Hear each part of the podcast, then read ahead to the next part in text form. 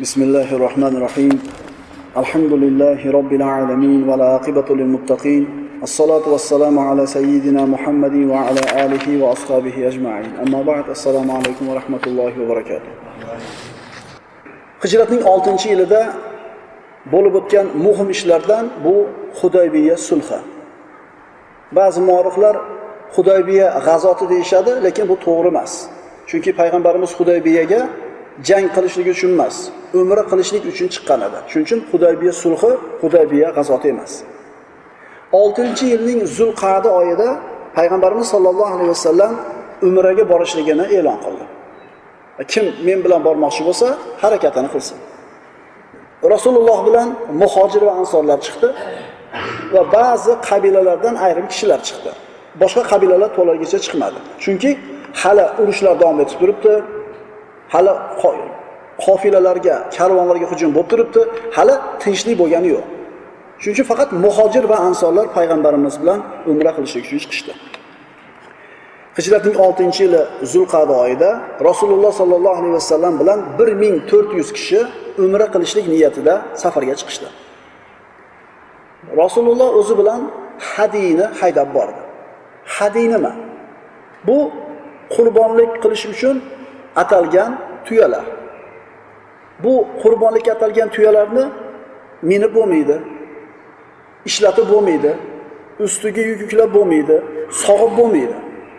Alloh uchun hadiya qilinganligini alomati bo'lsin deb o'rkashlari tilib qo'yilgan. Ya'ni minib bo'lmaydi.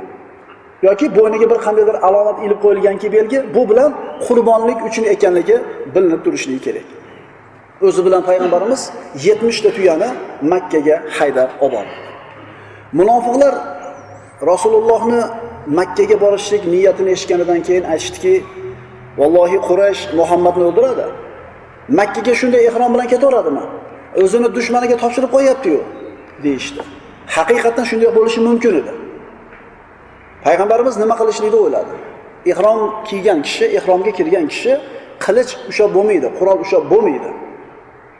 Qurolsiz borsa, musibatga o'zlarini ro'para qilib qo'yadi. Shuning uchun o'ylandida sahobalarga o'zinglar bilan qurolinglarni olib boringlar, tuyaga yuklanglar dedi. Musulmonlar qurollarini tuyalarning ustiga ortib olishdi. Munofiqlardan bir kishi payg'ambarimiz bilan mana shu safarda birga chiqdi. Bu Jada ibn Qays. Jada ibn Qays. Rasululloh Zulhulayfaga chiqib ihromga kirdi. Zulhulayfa Madina ahlini meqoti Ya'ni ana shu Zulhulayfaning u yog'iga umra yoki haj qilishlik niyatida chiqqan kishi ihromda o'tishligi kerak. meqot Obora Ali deyiladi bu joy yana Zulhulayfa deyiladi. Madinadan 7 mil uzoqlikda joylashgan. Endi ana shu Zulhulayfa bilan makkani o'rtasidagi masofa meqot Bu hududlar faqatgina ihrom bilan bosib o'tilinadi. Makkaliklarga payg'ambarimiz umra qilish uchun yo'lga chiqqanligi xabar yetib kelganda ular aytishdi, "Vallohi kirishmaydi Makkaga. Bizni ruxsatimizsiz kirishmaydi" dedi. Musulmonlarni Makkaga kirgizmaslik uchun butun boshli bir qo'shinni haram hududiga olib chiqib qo'ydi. Endi haram nima? Haram nima? Mana Ka'batulloh makkani ichida. Ka'ba Baytulloh deyiladi. Endi Ka'bani atrofida shunday bir kenglik mintaqa borki, bu haram deyiladi. Bu haramni hududiga Mino kiradi, Muzdalifa kiradi, Arafot haram hududiga kirmaydi. Haram nima? Bu hal shunday bir muqaddas joyki, bu yerda qon to'kib bo'lmaydi, janjallashib bo'lmaydi, ovqi bo'lmaydi, daraxtni sindirib bo'lmaydi. Endi Quraysh ana shu haramdan tashqariga chiqib kutib turibdi musulmonlarni, tashqaridan kirgizmaslik kerak. Agar haram ichiga kirish bo'lsa, musulmonlar bilan urushib ham bo'lmaydi, ularni haydab chiqarib ham bo'lmaydi. Endi haramni ichiga kirganda qo'qqis o'ldiradigan bo'lsa jang qilib, butun arablar Qurayshni yomonlaydi. Chunki johiliyat davridan boshlab haram hududida qon to'kilmaydi. Bu ayb hisoblanadi. Demak, haram umuman janjallashib bo'lmaydigan mana shunday bir muqaddas joy edi. Mana shu sababdan Quraysh haramga musulmonlarni kirgizishni xohlamadi. Rasululloh safarini davom ettirdi. Qurayshning ayrim sayyidlari haramni tashqarisiga qo'shini bilan chiqdi, lekin Abu Sufyon o'sha paytdagi qurashning kattasi tashqariga chiqmadi, makkada qoldi. Qo'shin Madinadan keladigan yo'lni to'sib turar ekan, ahdlashdi. Makkaga musulmonlar umraga ham kirmaydi, boshqa narsaga ham kirmaydi. Xolid ibn Valid haram tashqarisida musulmonlarni qo'shin bilan kutib turdi. Rasululloh sollallohu alayhi vasallamga bishir ibn Sufyon al-Kalbi keldida, yo Rasululloh, Quraysh sizni Makkaga kirgizmaslik uchun yo'lingizga qo'shin bilan chiqdi. Yo'lbars terilarini kiyishdi ustiga. Yo'lbars terilarni kiyishdi. Bu degani Quraysh faqat urushaman deb borganda qiladigan ishi edi bu. Unaqa bir sulh kelishuv emas. Faqat jang qilamiz deb chiqqandagina yo'lbars teridan bo'lgan kiyimlarni kiyib chiqishar edi. Payg'ambarimiz bu xabarni eshitib, "Ya vayha Quraysh, ya vayha Quraysh, ma darrahum law tarakuni, fa in intasartu fa izzi izzuhum, fa in qutiltu fa huwa ma yuridun." Ey Quraysh, meni xoli qo'ysa bo'lmaydimi? Agar men yengsam, mening izzatim ularning ham izzati-ku. Agar meni o'ldirsa, bu ular xohlagan narsa-ku. Ya'ni Quraysh nima uchun o'jarlik qiladi? Meni xoli qo'ysam odamlarga dinni yetkazay. Agar yengsam, meni izzatim qurashni izzati, men ham Qurayshdanman. Agar boshqa qabilalar meni qatl qilsa, bu Qurayshlar o'zi xohlayotgan narsadir. So'ngra payg'ambarimiz sahobalarga qarab, meni ularning orqa tomoniga boshqa yo'li bilan olib o'tadigan biron kishi bormi dedi. Birorta odam bormiki, bizni kutib turgan qo'shinda aylanib orqasiga o'tib oladi, o'tkazib qo'yadigan. Shunda sahobalardan men dedi. Bir kishi payg'ambarimiz boshlaydi. Bu kishi haqiqatdan bir tor, o'tishlik qiyin bo'lgan og'ir mashaqqatli yo'ldan boshlab bordi. 1400 odam juda qiyinchiligi bilan yurdi. Lekin aytganidek Quraysh qo'shinini aylanib orqa tomoniga o'tishib oldi. Musulmonlar qo'shinni orqasiga o'tdi, dushman qo'shinini. Quraysh qo'shini bundan bexabar. Haram hududini belgilashlik uchun arablar bir alomat belgi qo'yib qo'yar edi. Ana shu alomatlar haram hududi ekanligini bildirar edi. Endi hozir musulmonlar shu hududni orqasiga o'tib olsa, haramga kirdi, ularni haydab chiqarib bo'lmaydi. Ana shu haram alomatlariga yetib, bir necha odim, bir necha qadamlar qolganida Rasulullohning tuyasi o'zi to'xtab qoldi. Va Rasululloh cho'ytirmadi, o'zi cho'kib oldi. Rasululloh turgizmoqchi bo'ldi, sahobalar turtishdi, o'rnidan turmadi. Sahobalar, "Ya Rasululloh, bir yomonlik yetdida tuyangizga" dedi. Payg'ambarimiz aytdilar, "Yo'q. Bal habasaha habisul fil." Tuyanma filni to'xtatgan zot to'xtatdi dedi. Abrohani filini kim to'xtatgan edi Ka'bani buzishdan? Va payg'ambarimiz o'zini ashablariga shu yerga to'xtashga va tushishlikka, joylashlikka buyurdi. Demak, haram hududiga yetdi, kirmasdan tashqarida turishibdi. Musulmonlar to'xtashdi. Sahobalar kelib, "Ya Rasululloh, bizni suv yo'q joyga tushirib qo'ydingiz. Suv bormikin? Suv bo'lishidan umidimiz bor edi" dedi. Sizda ozgina suv qoldi, boshqa suv yo'q. U suv ham faqat tahoratga yetadi. Payg'ambarimiz shu o'rtada bir quduq bormikin dedi. Ha, bor ekan. Quduq bor ekan, faqat qurib qolibdi suvi yo'q dedi. Qayerda u dedi payg'ambarimiz? Ko'rsatishdi. Rasululloh mana shu o'zidagi ozgina suvni olib bordida, shu quduqning ustida turib tahorat qildi. Tahorat suvlari quduqqa tushdi. So'ngra sahobalardan birini qo'liga nayzani berdida, tushib yerni kavlang dedi. Qurigan quduqqa, qurigan quduqqa sahobiy tushdi, nayzani yerga sayishi bilan suv otilib chiqdi. Payg'ambarimiz sollallohu alayhi vasallamning mo'jizalaridan biri mana shu joyda zohir bo'ldi. Payg'ambarimiz sollallohu alayhi vasallam shunda aytdilarki, "Vallohi ma تدعوني قريش ila huttatin yas'aluni fiha صلة الرحم illa أعطيتهم إياها Ya'ni rasulullohni tuyasini Alloh o'zi to'xtatib qo'yganligini ko'rganidan keyin Allohni ishi ekanligini ko'rdida aytdilarki, agar Quraysh dedi. Mazmuni, agar Quraysh muomalasi yumshab bizga mendan sulhni talab qilsa, sulhga kelishlikni talab qilsa, men albatta ularga sulhga rozi bo'laman. Mana shu niyat bilan payg'ambarimiz shu joyga to'xtadi.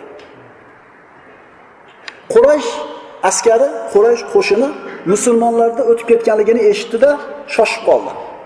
Zudlik bilan orqaga qaytdi-da, musulmonlar ro'parasiga kelib to'xtashdi. Musulmonlarda joylashgan joyini ko'rib hayron bo'lishdi. Niyatini tushunishmadi musulmonlar. Agar umra qilgani kelgan bo'lsa, nimaga haramni ichkarisiga kirmadi? Nima uchun ichkariga kirmadi? Kirishi mumkin edi, to'sqin yo'q edi oldida. Haram tashqarisiga to'xtabdi. O'zi bilan qurolni olib kelibdi. Urushgani keldimi? Unda ehromni nimaga o'radi? musulmonlarni niyatini bilolmasdan Quraysh qo'shini hayron bo'ldi. Endi musulmonlar nima niyatda kelganligini bilishlik uchun Quraysh qo'shini payg'ambarimiz oldiga odam jo'natmoqchi bo'ldi. Bu ikkala qo'shin bir-biriga yaqin joyga to'xtagan, bir ikkinchisini ko'rib turibdi. Budayl ibn Varqoni jo'natdi Quraysh qo'shini. Budal ibn Varqo Xuzoa qabilasidan Makka da uyi bor edi. Shu paytda Makkada edi, uni sen borib Muhammad nima maqsadda kelganligini bilib kel deyishdi.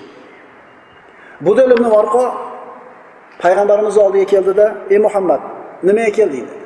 "Nimani xohlaysan?" dedi. Payg'ambarimiz umra qilgani keldim, mana qurboniyda haydab keldim dedi. "Ey Muhammad, qurollardan nima gap kelding bo'lmasa o'zing bilan?" Payg'ambarimiz aytdilarki, "Ey Budayl" dedi. "Men xiyonatdan xavotirdaman" dedi. Ya'ni menga tajovuz qilib, xiyonat qilib hujum qilishsa, men sahobalarim halok bo'lishini xohlamayman dedi. Qarang, musulmon odam ziyrak bo'ladi, xushyor bo'ladi. Ihromga kirgan odam qilich ushlab bo'lmaydi.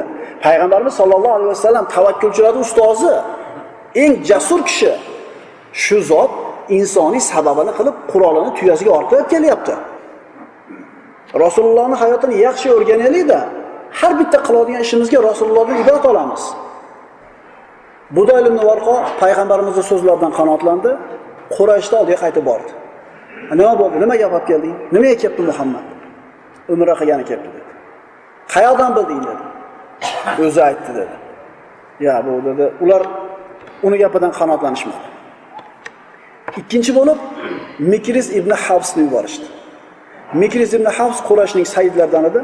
U kelayotganda payg'ambarimiz ko'rdi uni. Aytdi-ku, yaqinida bir-biri o'rtasida. Bu xiyonatkor odam dedi. Ehtiyot bo'linglar bundan dedi. Payg'ambarimiz aytganidek, Mikriz ibn Havs keldi, payg'ambarimiz bilan gaplashmadi. Hech kim bilan bir muloqot qilmadi.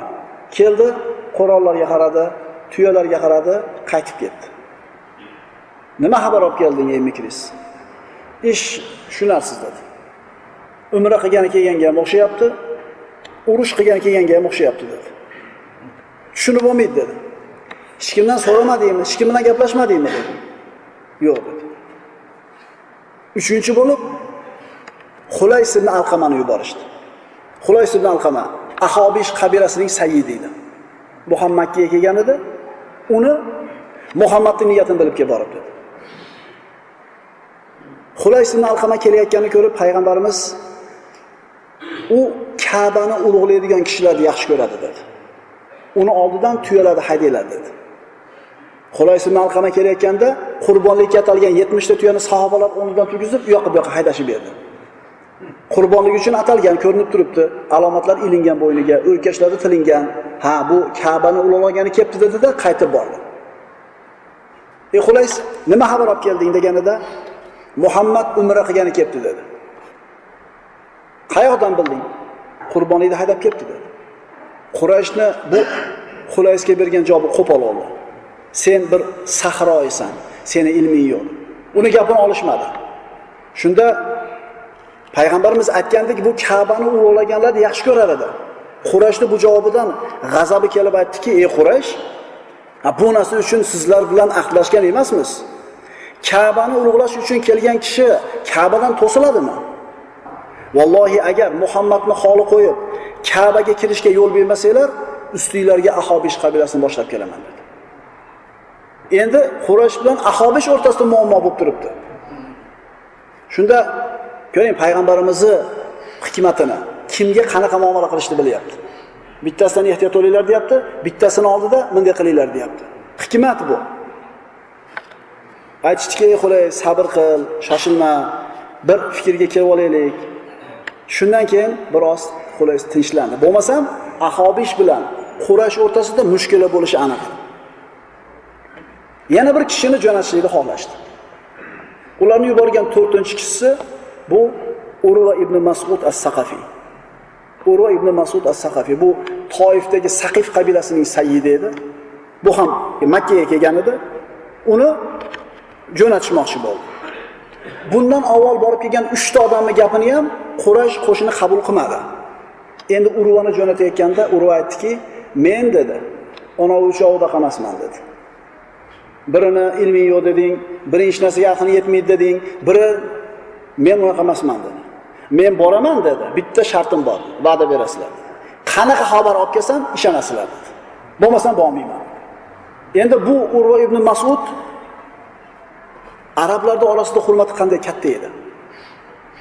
Payg'ambarimiz sollallohu alayhi vasallamga Qur'on nozil bo'lganida, Qur'on nozil bo'lganida Quraysh aytdi: "Ha Alloh Qur'on tushirmoqchi ekan, Alloh Qur'on tushirmoqchi ekan. Ha ikkita ulug' odamimizga tushirmasdan shu faqir va yetim Muhammadga tushiradimi deyishgan edi. Alloh Qur'onda shunday oyat nozil qildi.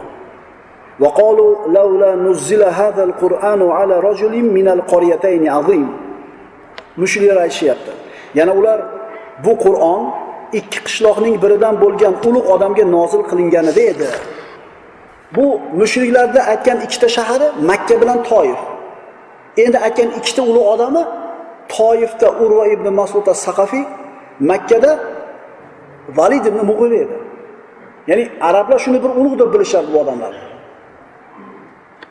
Urvaning hurmati shunday baland edi.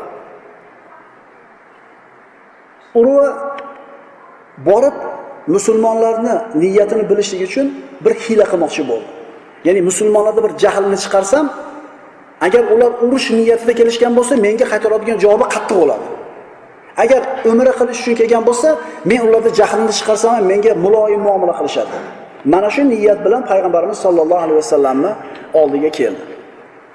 Urva qilichlari bilan, qurollari bilan kelganligi uchun payg'ambarimiz o'zini oldiga xos soqchisini turishlikka buyurdi. Bu mug'ira ibn Shu'ba roziyallohu anhu edi. mug'ira roziyallohu anhu o'zini qurollarini tayyor qilib, ustiga temir liboslarini kiyib, yuzlarini to'sgan holda payg'ambarimiz sollallohu alayhi vasallam yonida turdi. mug'ira ibn Shu'ba payg'ambarimizning xos qorovuli Urvat ibn masudni jiyani bo'lar edi. Ya'ni Urva Mughirani amakisi. Lekin jiyani ekanligini ko'rmayapti. Rasululloh sollallohu alayhi vasallam oldiga keldi.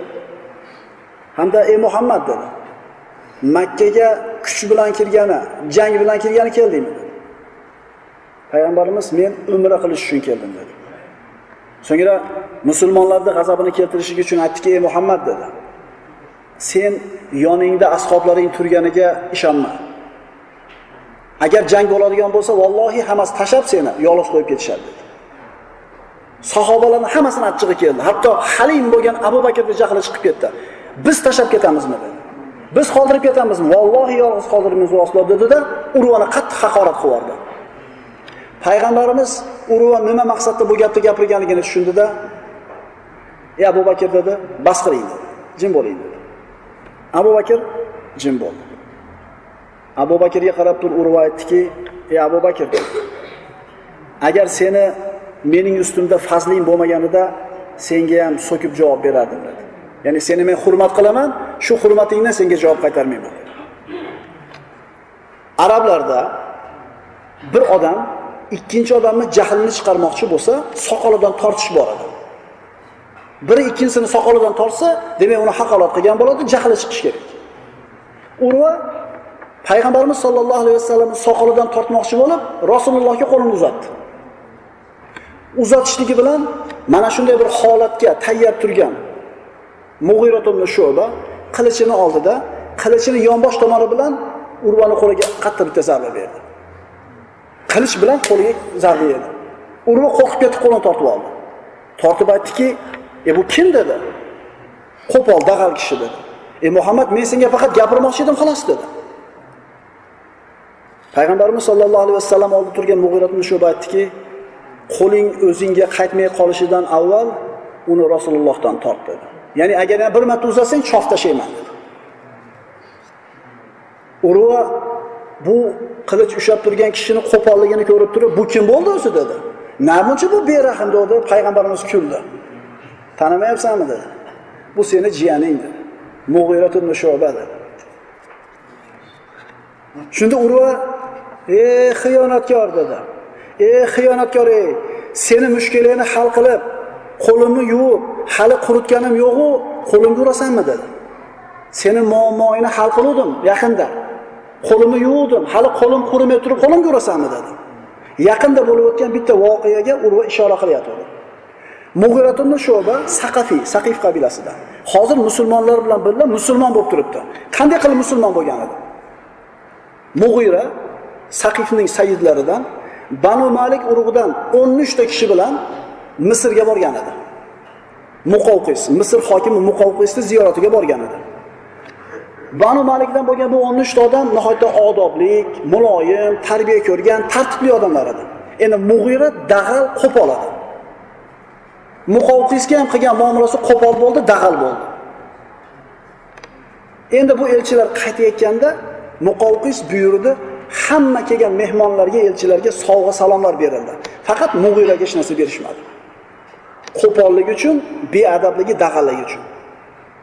Endi bundan Mug'ira jahli chiqdi. Saqifni sayyidlaridan qanday qilib misr degan joyga borib, Muqovqisni oldiga borib turib quruq qaytadi? Norozi bo'lib chiqdi-da, yo'lda kelayotib o'zi bilan birga borgan Banu Malik urug'idan 13 uchta odam uxlayotganda bitma-bita so'yib chiqdi hammasini Va ulardan qolgan hamma mol mulkini shunday ko'tardida Toifga kelib yashinib oldi. Banu Malik urug'i 13 ta odamni Mug'ira o'ldirganligini eshitgandan keyin qo'zg'aldi. Kelib Saqifdan bizga Mug'irani topshiringlar dedi. Bizga Mug'irani topshiringlar dedi. Ular topshirishmadi. Johiliy bir shior bor edi. Unsur ahoka zoliman av mazluman. Zolim bo'lsa ham, mazlum bo'lsa ham o'zingni birodaringga yordam ber. Ular mana shu shiorga amal qilishdi. Banu Malik qo'shini bilan keldi endi. Talab qilishganda bermadimi? Qo'shini bilan keldi.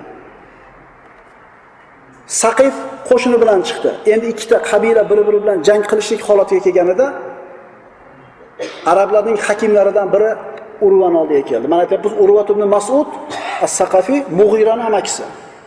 Ey Urva dedi hali hakim, sen arablarning ulug'laridansan, ulug' kishilardansan. O'zingni qavmingni ham, Banu Malik qabilasini ham halok qilma. Senga bu narsa yarashmaydi dedi. Nima qilaman bo'lmasa? O'lgan kishilarni diyasini to'lab qo'y dedi. Haqiqatan shu taklifiga rozi bo'ldi. Banu Malik urug'ini diyasini to'ladi, shu bilan mushkula hal bo'ldi. Endi Banu Malikni mushkulasi hal bo'lgandan keyin, muammo hal bo'lgandan keyin Mug'iratunni Shuba haligi 13 ta odamni o'ldirib olgan molidan ajrab qolishdan qo'rqdida, hamma molini olib Madinaga keldida, kalima keltirib musulmon bo'lib oldi. Rasululloh unga aytdilarki, iymoningni qabul qilamiz dedi. Lekin xiyonatingni emas dedi. Mol Banu Malikka qaytib ketish kerak dedi. Shunday qilib Urvat ibn Mas'udni hozir gapirayotgan gapi, ey xiyonatkor, seni mushkulingni hal qilib bo'lib, hali qo'lim yuvganim yo'q-ku, qo'lim yurasanmi degan gapini sababi shu edi. Mug'ira esa amakisiga bu zot dedi. Mug'ira bu zot Rasululloh dedi.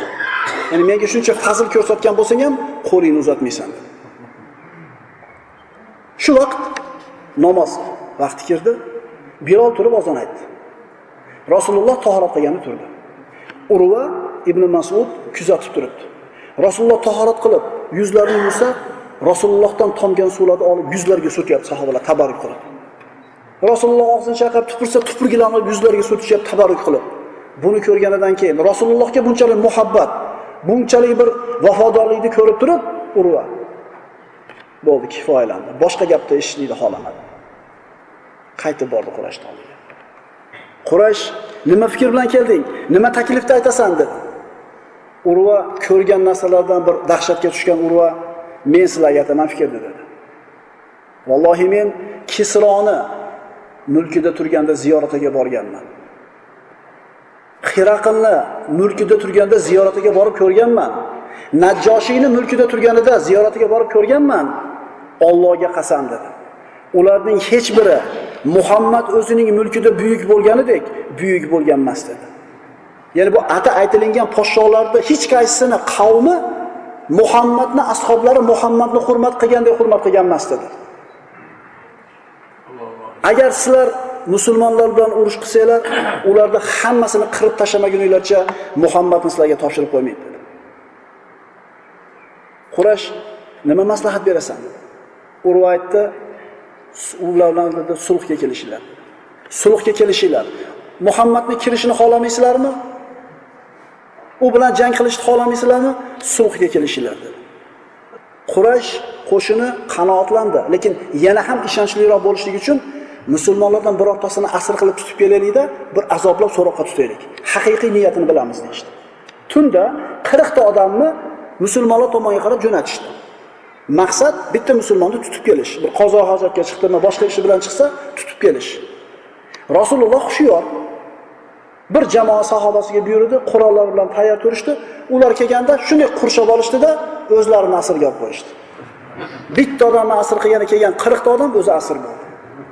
Qurayshliklar xabar topib, jangga tayyorgarlikni boshlaganida Rasululloh haligi 40 ta asirga biz urushgani kelmadik. Biz umra qilgani keldik. Ka'ba bilan biz o'rtamizda xoli qo'yiladi deb ularni qo'yib yubordi. Shundan keyin Quraysh musulmonlar umri uchun kelganligiga tamomiy ishonishdi. Chunki agar urush uchun kelgan bo'lganida o'ldirib yuborgan bo'lardi. أقول قولي هذا وأستغفر الله لي ولكم السلام عليكم ورحمة الله وبركاته